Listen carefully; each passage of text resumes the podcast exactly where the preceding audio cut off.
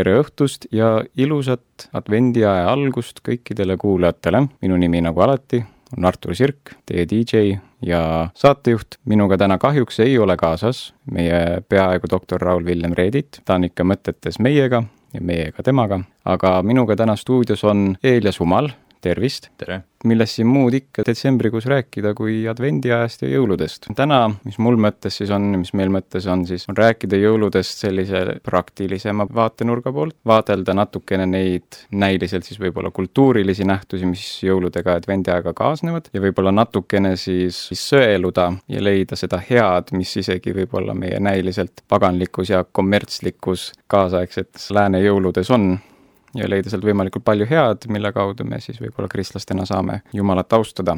nüüd esimene asi kohe kõrvale saada. ma arvan, me mõlemad oleme nõus, et jõulud ei ole halb, püha, mida tähistada. on, leidub selline häälekas on ju vähemus, kes võtavad sellise seisukoha, et kuna jõulud oma olemuselt mingil määral saab ühildada mingisuguste teatud paganlike juurtega, mingisugused pööripäevad ja kõik sellised asjad, et siis selle tõttu selle juur on nii-öelda mädane, seal on see nii-öelda mingi haputainas sees ja selle tõttu on see kristlaste hingele kahjulik. kuidas sa kommenteeriksid seda? no ma arvan, et äh, seal on mingi vale arusaam seal sees. see, et seal on mingisugune algpärand, ütleme, see pööripäeva aspekt, et see ei tähenda ka kindlasti, et siis terve see tähistamine ise, et see oleks kuidagi tühine või kuidagi halb, vaid pigem just me peame nagu mõtlema rohkem selle osa peale, miks me siis tähistame seda sellisel ajal, miks me just tähistamegi pööripäeval siis Jeesuse sündi mm. -hmm. et noh, see tegelikult ju, ega lõpuks saab ka ju küsida üldse, et mida me, mida me täpsemalt tähistame jõulude ajal. lihtne vastus ongi ju, et mingi sünnipäeva näiteks. et Kristuse sünnipäeva. mõnes mõttes on see meie kõigi sünnipäev, meie nii-öelda meie hinge, hinge sünnipäev, sest me oleme ju ristitud ka mingil viisil kuidagi Kristuseks. ja,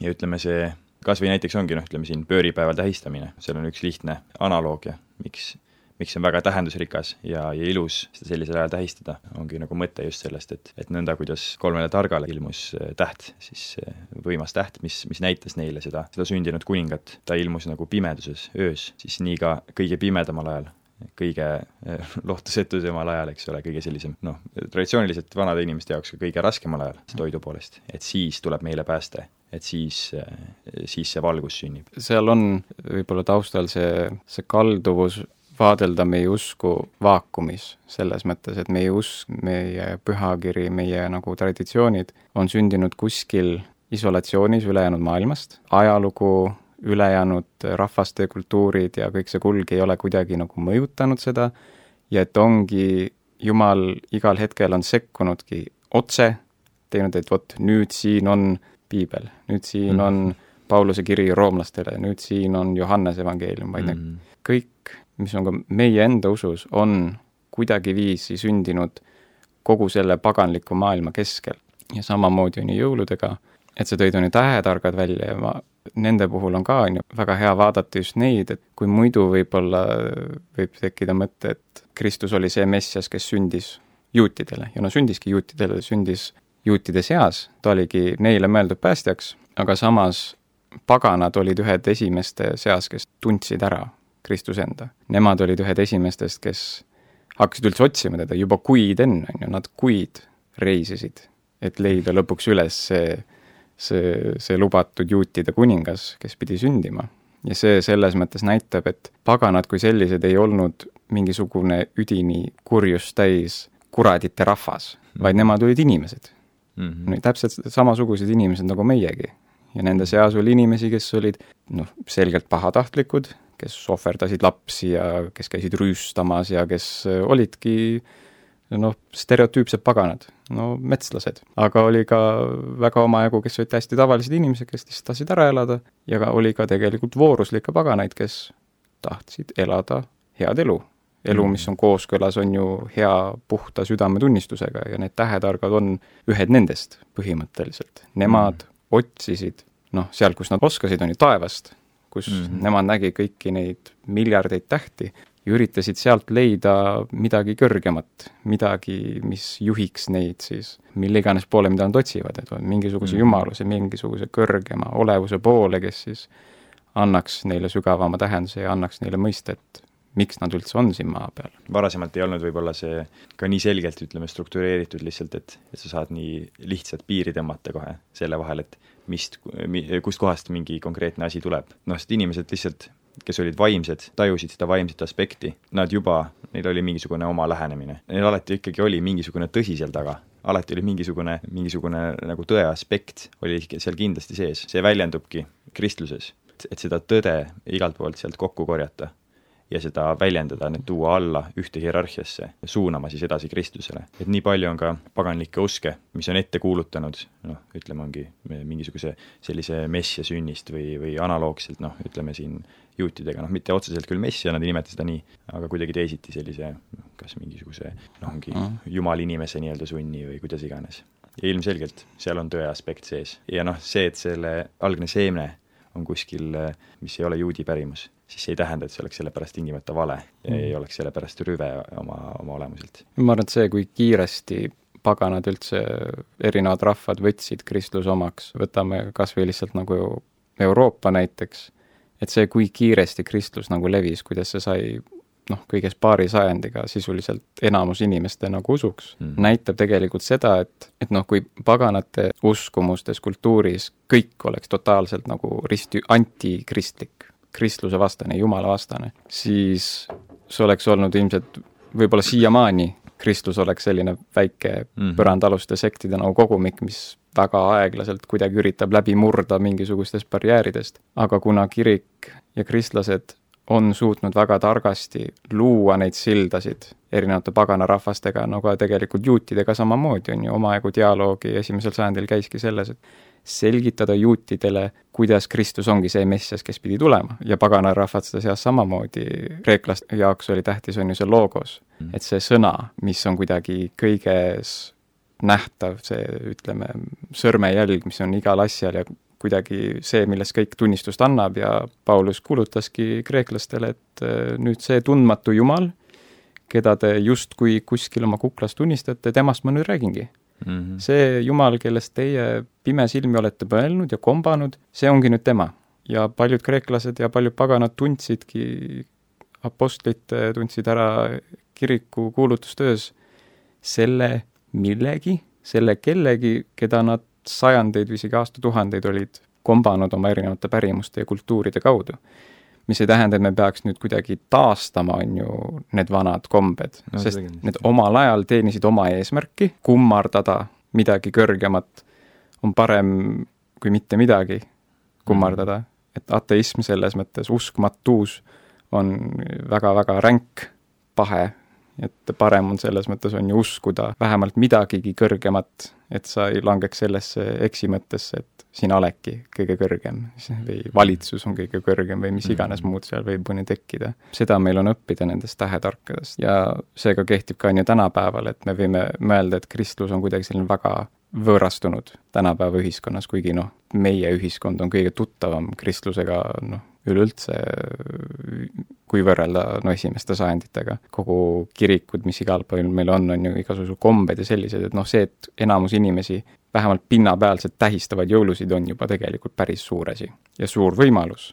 ja me saame rääkida sellest nagu ja mingil määral kultuuri sellises teaduses on endiselt sees see, et me ootame midagi mm. -hmm. me ootame mingit lootust ja kuigi enamustel on see võib-olla ununenud, siis see on ikka seal ja see on hea asi, isegi kui see võib meid ärritada, et mm. inimesed räägivad ainult jõuluvanast ja räägivad ainult kingitustest ja jõulupraest. ja noh, ja võibki tunduda, noh, ütleme paljude, olen ka kuulnud niisuguseid väljendusi nagu, et umbes, et ongi, et kuuse tuppa toomine, eks ole, et see on selline ka justkui paganlik komme, et mida see tähendama peaks või et näed, see on selline kummaline aspekt, et näed, kas, kas me nüüd kummardame seda kuusepuud, et toome sinna alla ohvrid, kinke, eks ole, ja ja nii edasi, aga tegelikult see ei ole ka nagu ütleme, selline, selline, selline asi, et me nüüd siin kummardame seda puud, vaid noh, me peamegi mõistma, et nagu mida see tähistab. kui ma ei eksi, et siis püha Bonifacius panigi selle paika, eks ole, selle kombe nagu alustas. Ja miks on see kuusepuu, et see on nagu, see ongi, see on selline, see toob välja kõik need eri nii-öelda aspektid, noh, ütleme, seda saab vaadata kui kui selliste, kas ütleme, vooruste või heade harjumuste hierarhiat näiteks. et seal kõige all on sellised laiemad oksad ja, ja neil otsas, igal pool on otsas on sellised kaunistused, hälkivad nagu tähed, aga need kõik suunavad ikka üles, ikka suunavad terve see kõik oksad, mis seal on, kõik need suunavad üles ühe Mm. tähe poole ja kes see üks täht on, see on see valguse allikas, see on see, kes kõige pimedamal ajal sünnib, see on Kristus. ja temast lähtuvalt siis kõik need muud, kõik see rikkus. ja kui me elame sellist elu, nii nagu kuusepuu nii-öelda väljendab, siis, siis all ongi annid, all ongi need head asjad, sellest tuleb rõõm ja, ja selline nagu kingitused teistele justkui mm.. et Mm. noh, see on see nii-öelda tegelikult väga traditsiooniline kristlik jõulud ongi see, et, et on see kuusepuu ja seal all, kuusepuu all on siis noh, kingid, mida kõik kindlasti teavad, et see on siis ütleme, see lisaaspekt seal, mida see asi nagu tähistab Mm. kindlasti osaline ainult. see Bonifatiuse lugu ka on üsna äge, kus see nagu alguse sai, et eh, see on siis, pärineb nendest aegadest, kui seal Põhja-Saksamaal kõik olid veel paganad. no kõik need saksad ja kes kõik seal olid, need. ja siis seal oli üks puu, mida nad kõik kummardasid. ma nüüd täpselt ei mäleta, millisele jumalusele see oli pühendatud, aga vist oli Thor, see nii-öelda pikse jumal. ja siis eh, need paganad seal kummardasid seda ja toona on ju skandinaavlased ei olnud need hellad ja pehmed ja sõbralikud inimesed, nagu nad on tänapäeval, vaid nemad olid rüüstajad ja viikingid ja nemad käisid kogu Euroopat mööda laastasid ja vist isegi Aafrikasse jõudsid tsipakene Hmm. Kuid mitte nii palju, sest seal ei olnud nii palju, mida võtta. püha Bonifatius, tema siis oli piiskop toona, kui ma ei eksi, no vaimulik kindlasti, ja siis tema elas sealkandis, kus seda puud kummardati ja tema otsustas ühel päeval, et tema võtab kirve kätte ja lihtsalt läheb ja lööb selle puu maha. paganad on ju, nemad uskusid, et see puu on justkui kehastus sellest nagu jumalast, sellest toorist. nii et nemad mõtlesid, et kui see Bonifatius nüüd hakkab kirvega seda puu nagu äsama, et siis toor lööb öö, taevast välguga ja tapab selle Bonifatiuse ära, on ju. ja see on ju muudkui, muudkui on ju kapp-kapp-kapp käib seal, on ju, muudkui peksab seal ja muudkui paganad mõtlevad, et no millal ta ära sureb, kui lõpuks puu langeski. ja siis kõik paganad vaatasid täiesti nagu hämmingus, et okei okay, see härra siin tuleb oma väikse kirvega ja lööb meie suure jumala nagu puu maha. see väike mees. ta tal isegi ei olnud vaja, on ju, jumala abi küsida. ta ei kutsunud mingit suurt äh, sõjameest endale abiks, vaid tema võttis oma lihtsat kirve ja äsas meie jumala maha. tappis ära meie jumala sisuliselt.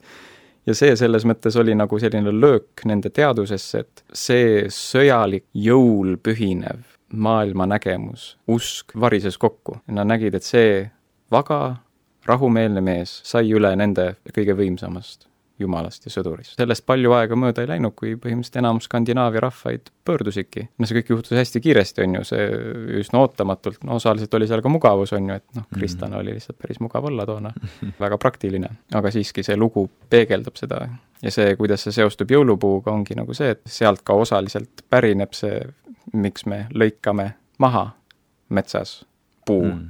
ja toome tuppa. et me mingil määral tähistame nende Skandinaavia ja saksa rahvaste pöördumist ristiusku. Mm. et see päev, kui Bonifatius vallutas saksa rahvaste jumalad Jumala nimel, et siis see, et tänapäeval rootslased, norrakad, taanlased ja on kristlased või noh, kristlikud rahvad olnud pikka aega, see on ka osa sellest. no seal kindlasti, ütleme, on hea ka nagu näha seda lisaaspekti, et kuidas ta võttis maha selle, selle nii-öelda paganliku puu, võttis maha selle, noh, ongi selle rüvetatud hierarhia justkui, et mis, mis seadis selle ebajumala kõige kõrgemaks, aga ta ei jätnud neid tühjalt. ta andis uue puu asemele, ristipuu. ja noh, see on see puu, mida me peaksimegi kummardama. et selles mõttes, ütleme, no seal on see, see lisaaspekt on seal sees, et nad justkui tegid midagi nagu õigesti, isegi peaaegu selle puu kummardamisega, kõlab küll naljakalt, aga noh, justkui tegid midagi õigesti, aga Bonifatius ütleski, et ei, mitte seda puud. Et üks teine puu. ja see on ilmselt hea väike reegel, mida meeles pidada, otsida võimalikult palju ühisosa, mis meil on, isegi paganatega, isegi ateistidega. miks?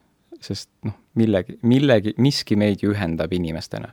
meil on üks looja, me elame ühes maailmas, mingi asi, kui me vähekenegi ausalt vaatleme seda, mis meie ümber on, siis tegelikult väga paljudes asjades me jõuame ühele meelele mm. lihtsalt see vorm, no vorm kohe kindlasti on ju, veab meid tihtipeale alt, aga vorm peabki erinema, sest me oleme erinevad inimesed. aga tihtipeale selle vormiga ka sisu saab rikutud.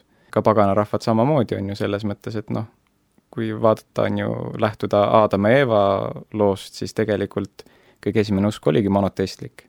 oligi usk ühte jumalasse, aga siis, kui rahvad läksid laiali, see ühe jumala kummardamine devalveeruski paljude jumalate kummardamiseks, devalveeruski loodu kummardamiseks. aga kummardamine jäi Mm. ja siis ongi lihtsalt, tuli tuua kõik fookusesse tagasi ja tänapäeval evangeliseerides samamoodi. see ei ole see, et me üritame nüüd täiesti kõik platsi puhtaks lüüa ja öelda, et kogu teie usk on jama, vaid et nii, aga tuleme nüüd tagasi selle juurde, mis oli alguses, selle juurde, mis on kogu asja sisu, kus saab. mõnesid asju ei saagi ära pühitseda, mõned asjad tuleb lihtsalt ära põletada ja hävitada. kui sul on mingid, ma ei tea, nõiaraamatud kuskil, siis muidugi põleta ära, hävita mm., pole mitte midagi sellega teha mm.. aga mis puudutab muid asju, siis kõik, mis saame. on hea, seda saab suunata ülima poole justkui. et noh, see ongi see, mida justkui eh, sündinud valgus eh, mm., noh, Kristus tuleb, tuleb meile näitama, et kuidas, kuidas suunata kõiki neid nii-öelda kaootilisi noh, jumalusi, eks ole, või, või selliseid vaime, eks ole, noh, mida, mida mm. paganlikud rahvad nagu tunnetasid mida nad tajusid, et need sellised olevused on olemas ja, ja toimetavad, kuidas nendest näha ikkagi mingit, mingit headust ja mm. kuidagi seda suunata Kristuse suunas, nii et see mm. ikkagi näitaks Kristusele. et need ei mm. oleks ebajumalad, vaid nad võiksid olla teeviidad selle tõe, tõelise Jumala juurde. et selline ümberorganiseerimine justkui on see, mis, mis sünnib. liturgiliste ütleme siis niiviisi kirikute, katoliku õigeusu kirikute kogu praktika pühakute ümber selles mõttes on väga küll nähtavasti polariseeriv, aga siiski hea näide mm. sellest, kuidas võtta midagi, mis oligi paganlikus kultuuris selles mõttes kohati vääristunud, mis oligi paljude jumalate kummardamine, ongi, et nii, siin, siin, siin sul on mingi viljakusjumal, siin sul mm. on tarkuse jumal, siin sul on aja jumal, siin sul on taeva, maa, kivide, ta-ta-ta-ta-ta mm., kus sa nagu tükeldad justkui jumala ära ja siis lõpuks kaobki ära mõte, et oleks keegi, kes on kõige kõrgem, see, kes on kõige looja, kes ongi, ei olegi selline nagu kõik teised, vaid ongi lihtsalt hunnik oma asju. aga et kui vaadatagi siis pühakuid kui isikuid, kes on eeskujulikud just selle poolest, et nemad on kummardanud seda Jumalat, seda Kristust, järginud teda sellisel viisil, et ühes või teises eluvaldkonnas nad on olnud sedavõrd eeskujulikud ja ma saan vaadata nende poole ja öelda, et vot, siin see inimene tõesti kehastabki Kristust nii reaalsel viisil, et me võtame teda kõikidele, ma ei tea, arstidele eeskujuks või kõikidele, kõikidele ehitajatele eeskujuks või kõikidele, kõikidele lapsevanematele eeskujuks või mis iganes. küll võib öelda, on ju, et see on kiriku nagu usu rüvetamine, aga samas see on osa inimloomusest. see on mm. igal pool, kõikides kultuurides kuidagiviisi on alati see tagasivaatamine esivanemate poole näiteks või, või vaatamine erinevate siis nende jumalate poole, keda varasemalt on kummardatud, öeldagi, et okei okay,, need ei ole jumalad, keda me soovime kummardada, et me, jumal ei delegeeri selles mõttes ta ei tükelda mingeid osasid endast ära ja ütle, et nii, sinule on see, sinule on see, sinule on see, vaid kutsub kõiki osa saama endast, olla osaduses temaga ja nende erinevate pühakute kaudu ka see on meile kingitud. Gaudete, gaudete Christus es natus ex Maria Virgine gaudete tempus ades gratiae hoc corruptabamus, carmina letitiae devotere damus. Gaudete, gaudete, Christus es natus, ex Maria Virgine gaudete. Deus homo factus est natura mirante, mundus renovatus est a Christo regnante. Gaudete, gaudete, Christus est natus, ex Maria Virgine gaudete. Ezechielis porta clausa per transitur, unde lux est orta salus invenitur. Gaudete, gaudete, nex Maria Christus, gaudete. Ergo nostro concio salatiam in lustro, benedicat Domino salus Regi nostro. Gaudete, gaudete, Christus es natus, ex Maria Virgine gaudete, gaudete, gaudete, Christus es natus, ex Maria Virgine gaudete. üks nendest pühakudest, kes just advendi ajal kõige rohkem välja paistab, kellele me kõik nüüd praegusel ajal mõtleme, on Püha Nikolaus. ilmselt üks, no nüüdseks kohe kindlasti üks kõige kuulsamaid pühakuid. Püha Nikolaus on, on ju see pühak, kellel põhineb tänapäevane jõuluvana oma punases mantlis ja suures habemes ja, ja, ja salajaste kinkidega ja kõike seda. ja siinkohal me saame selles mõttes välja tuua ilmselt advendiaega seonduvalt ühe kõige laialdasema kristlaste seas levinud hereesiaga. ja see on see lihtne kreedo ja kõik on selle omaks võtnud, keegi ei vaidle sellega, aga mina arvan, et ma arvan, me oleme mõlema nõus, et see tuleb ümber lükata ja see hereesia on see. jõuluvana pole olemas. on olemas. on olemas, on olemas ja näed teda. jõuludel neil, kellel käib, kes on head lapsed, käib ju, keegi toob kingid, mõnel isegi tuleb, astub tuppa sisse ja sa loed talle salme ja laulad talle ja saad oma kingid kätte, see on ju tema, see on seal muidugi me ei räägi, on ju, sellest jõuluvanast, kes elab Lapimaal, kellel on massiivsed tehased täis päkapikke ja nii edasi ja nii edasi, me ei räägi sellest, aga me räägime jõuluvanast. see isik, Püha Nikolaus, päris inimene, elas kolmandal ja neljandal sajandil, ta oli piiskop Lääne-Türgis, päris inimene. ja väga vaga inimene, väga püha inimene, laste kaitsepühak, tegi täpselt samu asju. tema käis salaja kinke tegemas, kas viskas need kuskilt korstnast sisse, viskas need aknast sisse või midagi sellist, mis on väga hea näide, on ju, kuidas rakendada seda kirja kohta, kus, kus Kristus ütleb, et kui sa teed head, siis ära lase oma vasakul käel teada, mis su parem käsi teeb. tee seda salaja. tee seda niiviisi, et ainus tänu, mis sa saad, ongi Jumalalt taevas. et ongi lihtsalt see hea tegemise rõõm. keegi ei tea, et see olid sina. on ju, kui tänapäeval inimene panebki selle mantli selga, habeme ette, no mõned isegi võtavad selle saua kätte, on ju, ja see on, no see on piiskopi sau mm -hmm.. piiskopi kepp, see on karjase kepp millega veel tänapäeval ka osad nagu jõuluvanad, kui inimesed riietuvad jõuluvanaks ja kannavad. sa kehastudki, on ju, selleks püha Nikolauseks. tolles hetkes sa oledki jõuluvana. no täpselt selles see nagu iva ongi, et, väga raske on nagu vastu vaielda, et jõuluvana ei ole olemas, kui seal, sealsamas, eks ole, on ja annab kinke, kelle käest sa siis kingid said mm. -hmm. ei saanud ju kellegi teise käest. ja tegelikult just praegu ma mõtlesin selle peale, et see on isegi ju see, et sa kehastad ennast selleks püha Nikolauseks, jõuluvanaks. sa ju peidad enda isiku, sa peidad selle, kes nii-öelda füüsilises mõttes, no materialistlikus mõttes neid kinke üle annab, et mitte saada vastu seda tänu, et teha see kingitus, anda isiklikult seda üle, ilma selleta, et keegi saaks pärast mõelda, et ah, sina kinkisidki mulle. aitäh, et sa mulle kinkisid. muidugi see on tore, kui, kui inimesed on tänulikud, aga aga ütleme, see kristlik lähenemine siis kingitustele on just mõttega selle osas, et nagu ütlesid ka, et mitte teada, mida su vasak käsi ei tea, mida su parem käsi teeb. nii et keegi teine ei saa teada, et see tänu jääb justkui saamata, et siis on see kingitus Jumalale, siis selle vastu sa ei saa siin ilmas eh, midagi, vaid saad teises ilmas. ja noh, selle jõuluvanaks kehastumisega just see väljendubki. et sa ei saa mingit tänu ise vastu, vaid selle saab jõuluvana ja tema kaudu Kristus. täpselt. just. et, et noh üsna, üsna hea analoogia muidu öelda, ütleme, et, oleks ka see, et niisama lihtsasti võib öelda, et Jeesust ei ole olemas. noh, muidugi on, okei okay,, me näeme, näeme kujusid temast eh, risti peal no,, me vaatame tema poole, kummardame teda, muidugi mõni materjalist võiks öelda, et see ei ole Jeesus, mõnes mõttes on.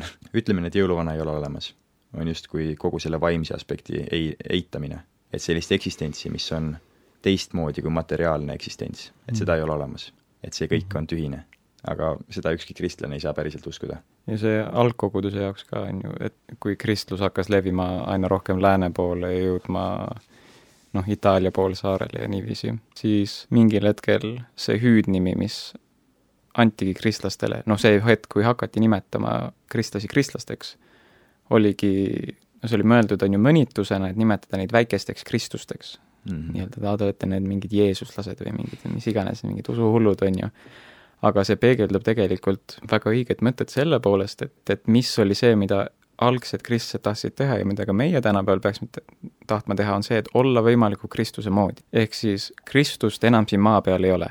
või noh, ta ei kõnni meie seas niiviisi, nagu ta kõndis esimesel sajandil, nagu ta kõndis oma teenimiste jooksul ja ja siis, kui ta imesid tegi, ja siis tekibki see küsimus, et kuidas me saame inimesi uskuma Kristusesse, keda me ei saa näidata mm.. me ei saa tutvustada teda selles mõttes kuidagi, et noh, me ei saa kutsuda teda taevast alla, et kuule, tule, ütle oma nimi ja, ja vanus ja ma ei tea, lemmikvärv ja saage tuttavaks, on ju, vaid, vaid meie, meie oleme Kristuse ihu, ehk siis Kristus kui selline saab teatavaks inimestele meie kaudu. mitte lihtsalt selle kaudu, mis me räägime, vaid ka selle kaudu, millised me kristlastena olema, kuidas me käitume, ja selle läbi me olemegi väiksed Kristused. Kristus saab reaalseks kristlaste läbi.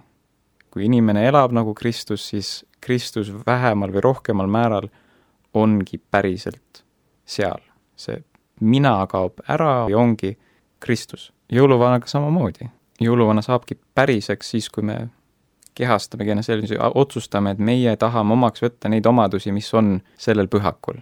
meie annamegi au Kristusele, kui me võtame omaks tema rüü, tema mantli, nimetatakse, on ju, õiguse rüüks, on ju, ja ütleb, et pange pähe, on ju, võtke kätte usukilp ja noh, rõivastage ennast Kristusega, räägib, on ju, Paulus äh, vist Efesose kirjas. no ma mõtlen ka, ma loodan, et see ei ole nagu ketserlik asi öelda, aga sisuliselt ilma kirikuta Kristust ei olegi siin maa peal. noh, Jumal on kõikjal, aga inimeste jaoks noh, ongi lihtsalt ainult pimedus, pole mingit valgust, kui mm. ei ole kirikut, kui ei ole kristlasi.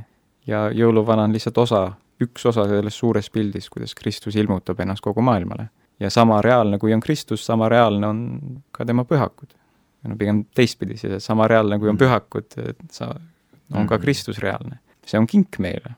see ei ole asi, mida salata kuigi seal võib olla mingisuguseid imelikke pooli ja sellist kommertslikkust ja noh, inimesed väga toredaid asju saab väga halvasti teha mm. -hmm. aga see ei tea, peaks meid takistama austamast neid mm, -hmm. neid häid asju, mis selles on. no selles mõttes kohe kindlasti, et ütleme, ka püha Nikolause puhul, ehk siis jõuluvana puhul, on ju ilmne, ka kaudselt, keda seal kehastatakse, ongi Kristus, kes tulebki ju lihtsalt andma, andma häid asju teistele ilma midagi saamata, ilma noh, midagi vastu võtmata. ja seal on tegelikult ju traditsiooniliselt, on seal ka see aspekt, et kes on hea olnud, see saab kingituse. kes on halb olnud, see ei saa. et seal on ka see kohtumõistmise aspekt, mis on ka nagu väga Kristus, kristuslik nii-öelda asi, muidugi tänapäeval me oleme lihtsalt teinud niimoodi, et kõik saavad kingituse viisakuse mõttes, et kõik on head lapsed ikkagi. noh, ütleme, see paneb ka selle, selle sinna konteksti, et, et me peame ise mõtlema, et me tahame olla head, et, et mm -hmm. Kristuselt vastu võtta neid ande. see on ka lihtne meetod, kuidas seda nagu lastele õpetada materiaalsel viisil. et kui sa oled hea, siis sa saad midagi head materiaalselt, aga sama toimub tegelikult vaimsel tasemel, et kui me proovime olla vooruslikud ja elada kristlikku elu, siis me saame sellest palju, palju viljasid ja saame väga palju jumalikku rahu ja ma teatud kriitikat olen kuulnud, need sõnad on võib-olla minu enda suust ka välja tulnud, aga kunagi ma kuulsin sellist mõttelaadi, et, et seesama, mis sa just kirjeldasid, et meie saame kinke selle eest, et me oleme nagu head lapsed olnud, et see on justkui selline tegudepõhise pääste propageerimine, et sa nii-öelda teenid välja oma päästet, kuidagi tühistada armu mm. mingil viisil, mis on noh, no jällegi, kui vaadelda päästet ainult kui seda nii-öelda õigeks mõistmist, siis noh, jah, siis küll. kui kõik, mis me Jumalalt saame, on see nii-öelda õigeks mõistmine, siis noh, muidugi siis kõik tundubki justkui mm, -hmm. kõik, mis me teeme, head, jääb, jätab mulje, nagu see oleks mingisugune armu väljateenimine. aga kui mõelda sellele, et noh, armu muidugi me saame muidu, on ju, usu kaudu, aga kui me soovime Jumalalt seda, mis me peame soovima, soovime voorust, me soovime pühadust, me soovime õigust, me soovime no kõike seda head, mida ta meile tegelikult lõpuks pakub, siis me peame pingutama. me peame hoiduma kurjast raske öelda, on ju, aga see on ilmselt kõige elementaarsem asi üldse selleks, et me oleksime võimelised, on ju, Jumalalt midagi vastu võtma, on see, et me hoidume kurjast, me hoidume patust. ja teeme head. ja teeme head. noh, kurjast hoidumine on nagu see absoluutne miinimum mm. -hmm. et see on nagu vähemalt see, et ära tee rasket pattu. noh, ikka libastub ja komistab mingite väiksemate asjadega, aga noh, proovi olla ilma tapmiseta, proovi olla ilma abielu rikkumiseta, on ju, et see tegelikult on täiesti tehtav, on ju. Mhm. ja samamoodi see tegelikult on ju see kink, jõuluvana kinkide toomine peegeldab seda, et kui meie sees on, meie südametunnistus on puhas, me elame siiralt Jumala ees, palume talt andeks kõik, mis me valesti oleme teinud ja tahame teha asju nii, nagu on temalt meelt, meelepärane, siis me oleme ka võimelised vastu võtma talt head mm. -hmm. ja siis see ongi mandariinid, see mm -hmm. Mm, ilus jõulukamp, see on, see ongi mis iganes, on ju. aga kui meie sees on pimedus, meie sees on mustus, on patt, siis ongi noh, see süsi, mis on ju noh, enam ei anta sütt, on ju, aga no kes teab, äkki see on midagi, mida peaks taastama. võib-olla. aga see ongi, siis ongi, sa ei ole võimeline võtma muud kui seda, mis sinu enda sees on mm. mustus, räpane, kasutu mm. patt ja ongi siis süsi. Sakis sütt, see on must, see on põlenud, see on määriv ja see ongi selles mõttes ja muud me ei suudaks ka vastu võtta. Mm -hmm.. noh, oma tuhaste kätega võtame vastu ilusad valged villassokid, rikume kohe ära ja kogu rõõm läinud juba kättesaamise hetkel, on ju. Mm. -hmm et, et, et see tegelikult, see, see mõte on täiesti ilus seal. no muidugi saab lapsi ära traumatiseerida ka sellega, aga noh. mul tekkis kohe mõttesse see, et miks süsi, noh süsi on väga, süsi ja tuhk, eks ole, ja tuhk on nagu, tuhk ja süsi on nagu mõlemad nagu ei miski, mõlemad on noh, tegelikult ju mm. see, millest inimene ise koosneb, noh tühjus. ja mõnes mõttes, et kui me ei näe, võib-olla isegi, et kui me ei näe selles ka teistes kingitustes, noh teistes nii-öelda andides, mida Jumal meile ju annab, midagi, siis ka mm. need on meie jaoks tuhk ei miski. Mm.. ja siis võib-olla ongi see, et, et noh, materiaalsel kujul see kingitus on sama, eks ole, aga see, kuidas seda vastu võtad, siis mõne jaoks see on, see on kallis väärtuslik objekt, mingi mänguasi või ma ei tea, mis, mis iganes mm. laste jaoks, eks ole. aga siis, kui, kui me võtame seda vastu sellise noh, halva hoiakuga mm., sellise suletusega, et siis see, siis see ongi tühine, siis see ongi, me ei näe selles mingit võlu, me ei näe selles mingit ilu. Mm.. ja siis see ongi sama hea kui süsi aga ütleme selle aspekti poolest, mis sa mainisid, et selline noh, mõnes mõttes tegudega ärateenimine, ma ütleks, et see rohkem mõnes mõttes just seisundiga, et mm -hmm. sest et noh, muidugi, usk on ka tegu ja noh, et ütleme, kuidas seda, kuidas seda õiget seisundit saavutada, see ongi terve see kunst, mille kallal siin inimesed on tuhandeid aastaid mõlgutanud mõtteid, et kuidas seisundit saavutada, kas läbi äh, läbi kindlate palvete või, või mingisuguse noh, mingisuguse päevakava või, või vooruste või kuidas iganes.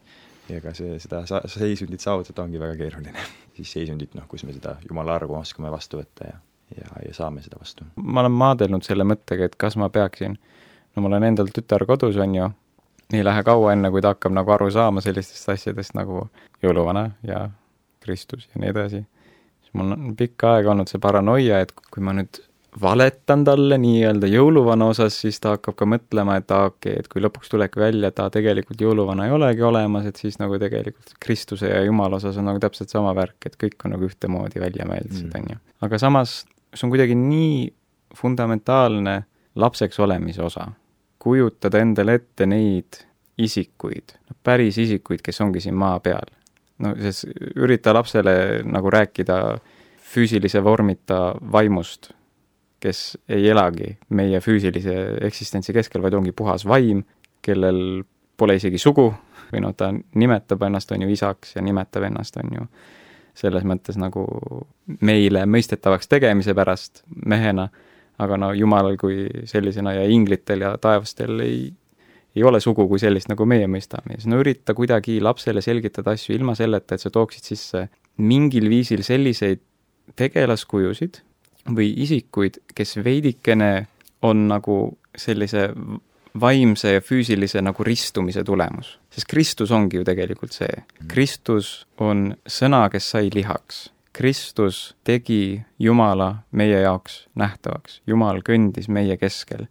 ja see oli kõige parem, kõige reaalsem viis, kuidas meie üldse saaksime saada osadusse temaga ja tunda teda niivõrd isiklikult. ja samamoodi meil on vaja jõuluvana, meil on vaja neid erinevaid ka tegelikult pühakuid, inimesi, kes on tõusnud kõrgemale lihtsalt sellest füüsilisest maailmast, jõudnud taevale lähemale sellisel viisil, et nad on teatud mõttes sillaks meie ja selle täiesti abstraktse ja vaimse maailma vahel. noh, kui, kui laps lõpuks on traumeeritud sellest, et nagu, et okei, no päris täpselt nii, nagu sina võib-olla mõtlesid jõuluvana nagu olemas ei ole, siis noh, siiski see kõik, mida see juurutas selles lapses, mõtlema voorustele, mõtlema headusele, mõtlema kinkimisele ja isetusele ja ja kõigele sellele, see jääb ikka sisse. no okei okay,, ta korra pettub ja siis sa noh, lapsevanemaga ilmselt siis peadki ära kannatama selle, et nojah, äkki olingi jobu ja äkki, äkki rikkusingi oma lapse ära, aga noh, samas aastaid, aastaid, aastaid see laps sai imetleda midagi kõrgemat, imetleda ja tõesti rõõmu tunda ja kogeda ise, kuidas see isik tuleb tema juurde. jõuluvana tuleb tema enda majja, toob talle häid kinke ja see on justkui ka, tekitab selle nagu mõtte, et, et Jumal samuti tuleb minu juurde, Kristus tuleb minu juurde ja annab mulle seda, mis ma vajan. ta tasub mulle selle vaeva, ma näen, ja on minuga, reaalselt kogetav. Reaalne pühak tuleb minu juurde, minu koju, minu elutuppa, paneb kinke minu puu alla või kuulab minu luuletusi või mis iganes. see tunne jääb meelde tegelikult. see teeb pühaduse, see teeb taeva isiklikuks. sarnasel viisil nagu kirikus käimine, nagu armulaud teeb selle isiklikuks, on ju. see kõik on osa, on ju, suurest pildist. ja ilma selleta, nagu ma arvan, et lapsepõlv jääb nagu poolikuks. kui sa ei koge mingit hetke, kus sa näed omaenda silme ees, et siin see nüüd ongi, siin ta ongi mm, -hmm. siis sa ei saagi aru. Laps vajab pilte, laps vajab selliseid sümboleid ja meie ka täiskasvanutena tegelikult vajame, me ei ole lastes kuidagi paremad me just rikume ära enda jaoks need sümbolid igasuguste targutamistega, igasuguse mm. filosofeerimistega selle üle nagu, et okei okay,, no see on, no siin on aktsendid ja kredentsid ja pa-pa-pa ja siin on no tegelikult see ja no nemad ütlevad niiviisi, siis nagu ei, see on Kristus, see on Kristus ja ta on tulnud meie juurde ja see on põhiline. et nojah, ütleme ongi, et võib-olla lapse arusaam ongi lihtsam, lapse usk on ka lihtsam ja see, kuidas, kuidas sellel, selles lihtsuses on ka väga suur ilu. noh, Kristus ise ka ju seda väljendas, et, et kui meie ei oska uskuda nii siiralt ja nii lihtsalt nagu lapsed, et siis, siis me ei saa taevariiki. noh, muidugi, eks mingis mõttes on see paratamatu, et noh, et ikkagi täiskasvanud inimesed ja vanemad inimesed, nende see arusaam läheb üha komplekssemaks ja, ja noh, võib-olla, võib-olla lihtsalt ei tekigi seda sellist hetke, kus, kus laps mõtleb, et, et ah, näed, ei, kas siis eh, jõuluvana ei olegi olemas, et või noh, et nüüd ma pettusin, vaid lihtsalt eh, selgitada, et, et ei, see lihtsalt enne oli su arusaam lihtsakoeline mm. -hmm. nüüd sa mõistad eh, paremini võib-olla mm.. et ja siis, siis see saab väljenduda, siis, siis see jõuluvana isik saab väga nii-öelda katsutava, noh, nagu sa ütlesid ka, väga katsutava reaalsuse, ta on väga ilus ja ta on alati reaalne tegelikult, üles kasvades, eks ole, vanemaks saades, siis meil tundub, et ahah, okei okay,, me teame küll seda jõuluvanat, ta on mul naabrimees, eks ole, kes, kes siin on äh, ära peidetud, eks ole. tegelikult me peaksime ise ka noh, tunnetama seda, et ei, et see nüüd on midagi erilist. Ja noh, samamoodi nagu ka preester kehastab Kristust ja, ja noh, ka tegelikult ka ju äh, meie õed-vennad, ligidane ju tegelikult kehastab Kristust. Mm.. nii me peaksime ka tunnetama, et see on see Kristus nüüd, noh, me kipume seda tihtipeale unustama, mida, mis on laste jaoks nii, nii reaalne ja kuidagi katsutav mm.. O sapientia, quae exore altissimi prodisi.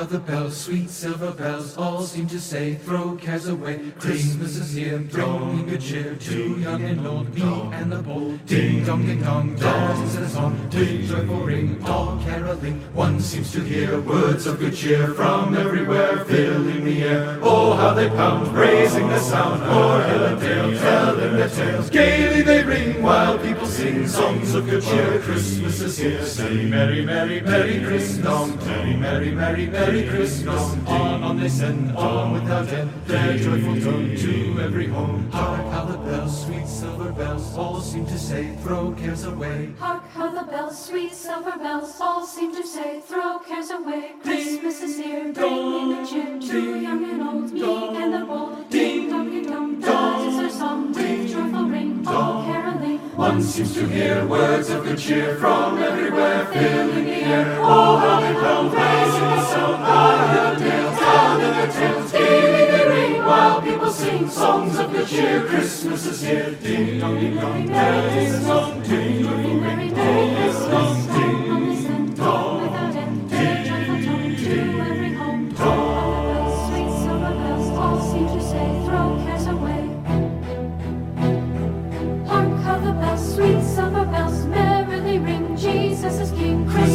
here, bringing the cheer to young and old, meek and the bold. Ding dong, ding dong, that is their song with joyful ring. Jesus is King. One seems to hear words of good cheer from everywhere, filling the air. Oh, pound, raising the sound, o'er hill and dale, telling the tale. Gaily they ring, while people sing songs of good cheer. Christmas is here, ding dong, ding dong, ding dong, ding dong, Merry Christmas, ding dong, ding dong,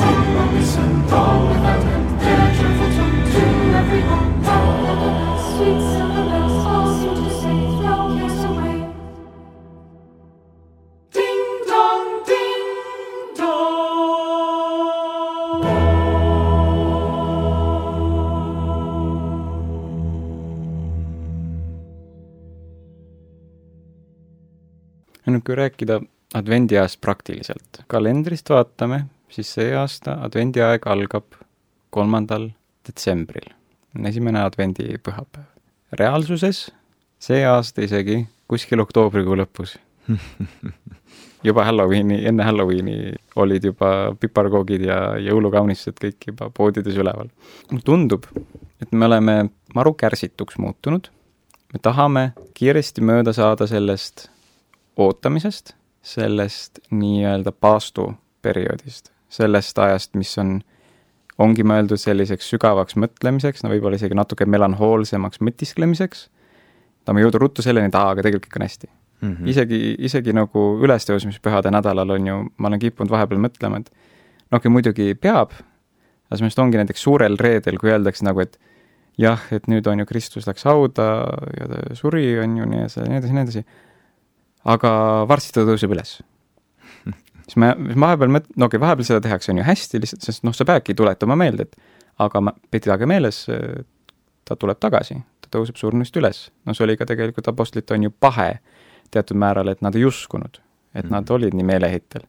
samas see oli ikkagi kurb sündmus, see oli tragöödia, see oli meie pattude pärast, mis ta kannatas ja see nõuab seda, et me sügavalt nagu mõtiskleksime selle üle, mida Kristus pidi kannatama, aga on ikkagi see kaldus vahepeal, et ennatlikult öelda, aga vot, ongi üles tõusnud mm. -hmm. ta tõuseb üles või jõ-, jõulude puhul siis, et aa, ta sünnibki, ta ongi sündinud, on ju mm. -hmm. selle asemel, et näha ka on ju advendiaega kui sellist, et on ju see päev, jõulu, see jõulupäev, kui me tähistame Kristuse sündi, see on kõige pimedam päev aastas.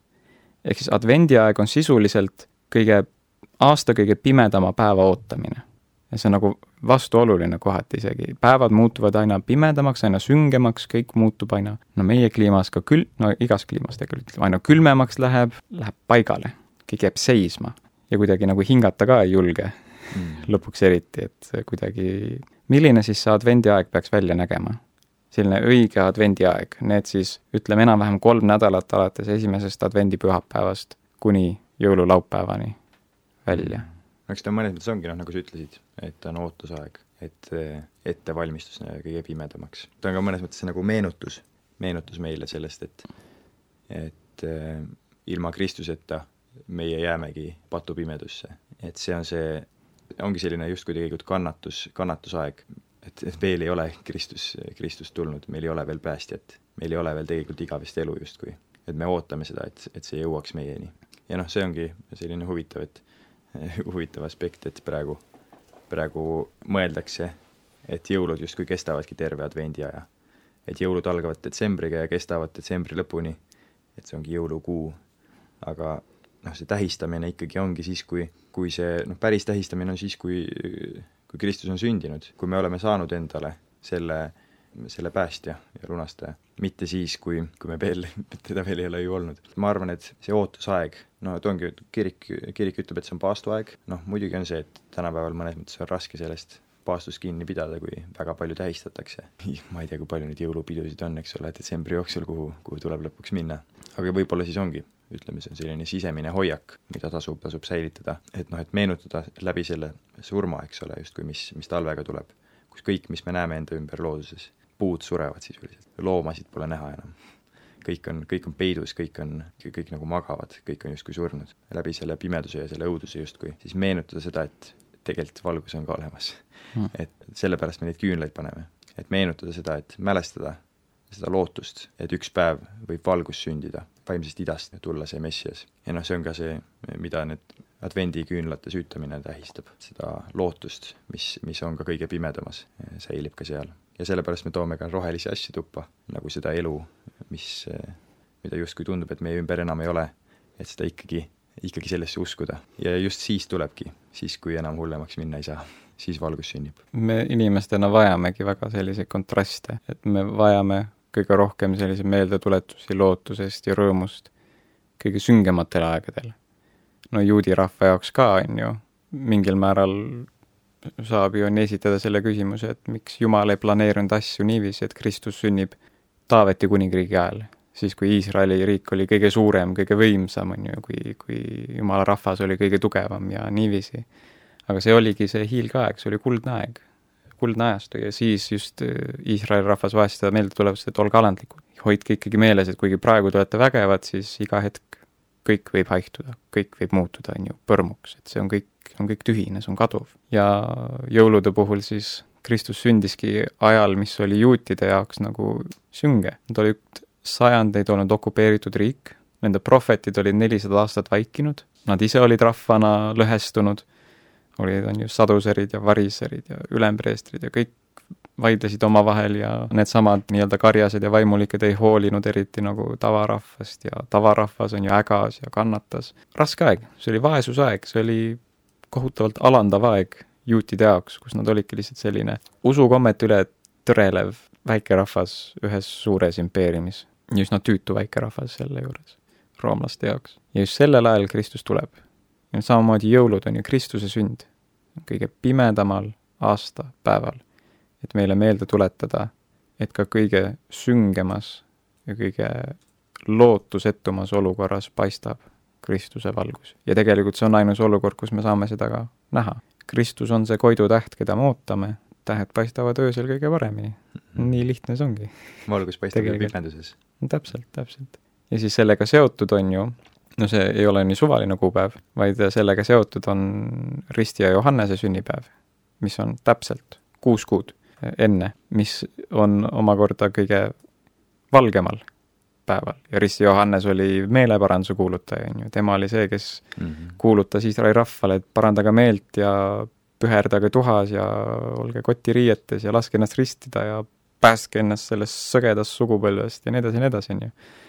et see kontrastide alati on seal mm. -hmm. jumal tunneb meie loomust, et, et me ei tohi kalduda äärmustesse, et alati kui meie keskkond tõmbab meid mingisse ühte nagu poolde, siis me peame sisemiselt tasakaalustama selle millegagi, mis on, ütleme siis, vastassuunaline mm.. ja jõulude puhul samuti, no meie põhjamaalastena saame seda väga hästi kogeda. et on see sünges, pimedas, külmas talves, me peame väga sellist sisemist soojust enda jaoks meelde tuletama, aga selleks me peame enne teadvustama seda süngust, seda pimedust ja selleks ongi see advendi ootusaeg, teadvustama väga-väga selgelt seda pimedust, mis on meie ümber ja seda, sest miks muidu me ootame mm. seda valgust. Pole vaja ju, niigi valge mm., niigi tore, kõik on niigi ilus. ma arvangi, et noh, et see, mis sa ütlesid, see on väga õige, et, et, et selle lootuse säilitamine selles pimeduses ja, ja tegelikult, kui me seda hästi teeme, siis me saame vastu võtta seda seda valgust, seda vaimset, vaimset valgust, mida Kristus meile tuleb andma ja seda igavest elu. kui me kaotame valvsuse ja noh, keskendume muule, siis ei saa Kristus tulla meie pimedasse ja seal valgustada meid.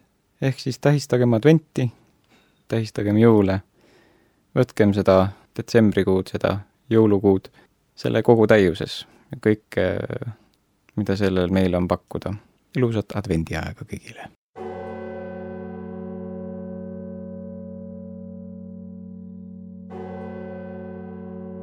Veni,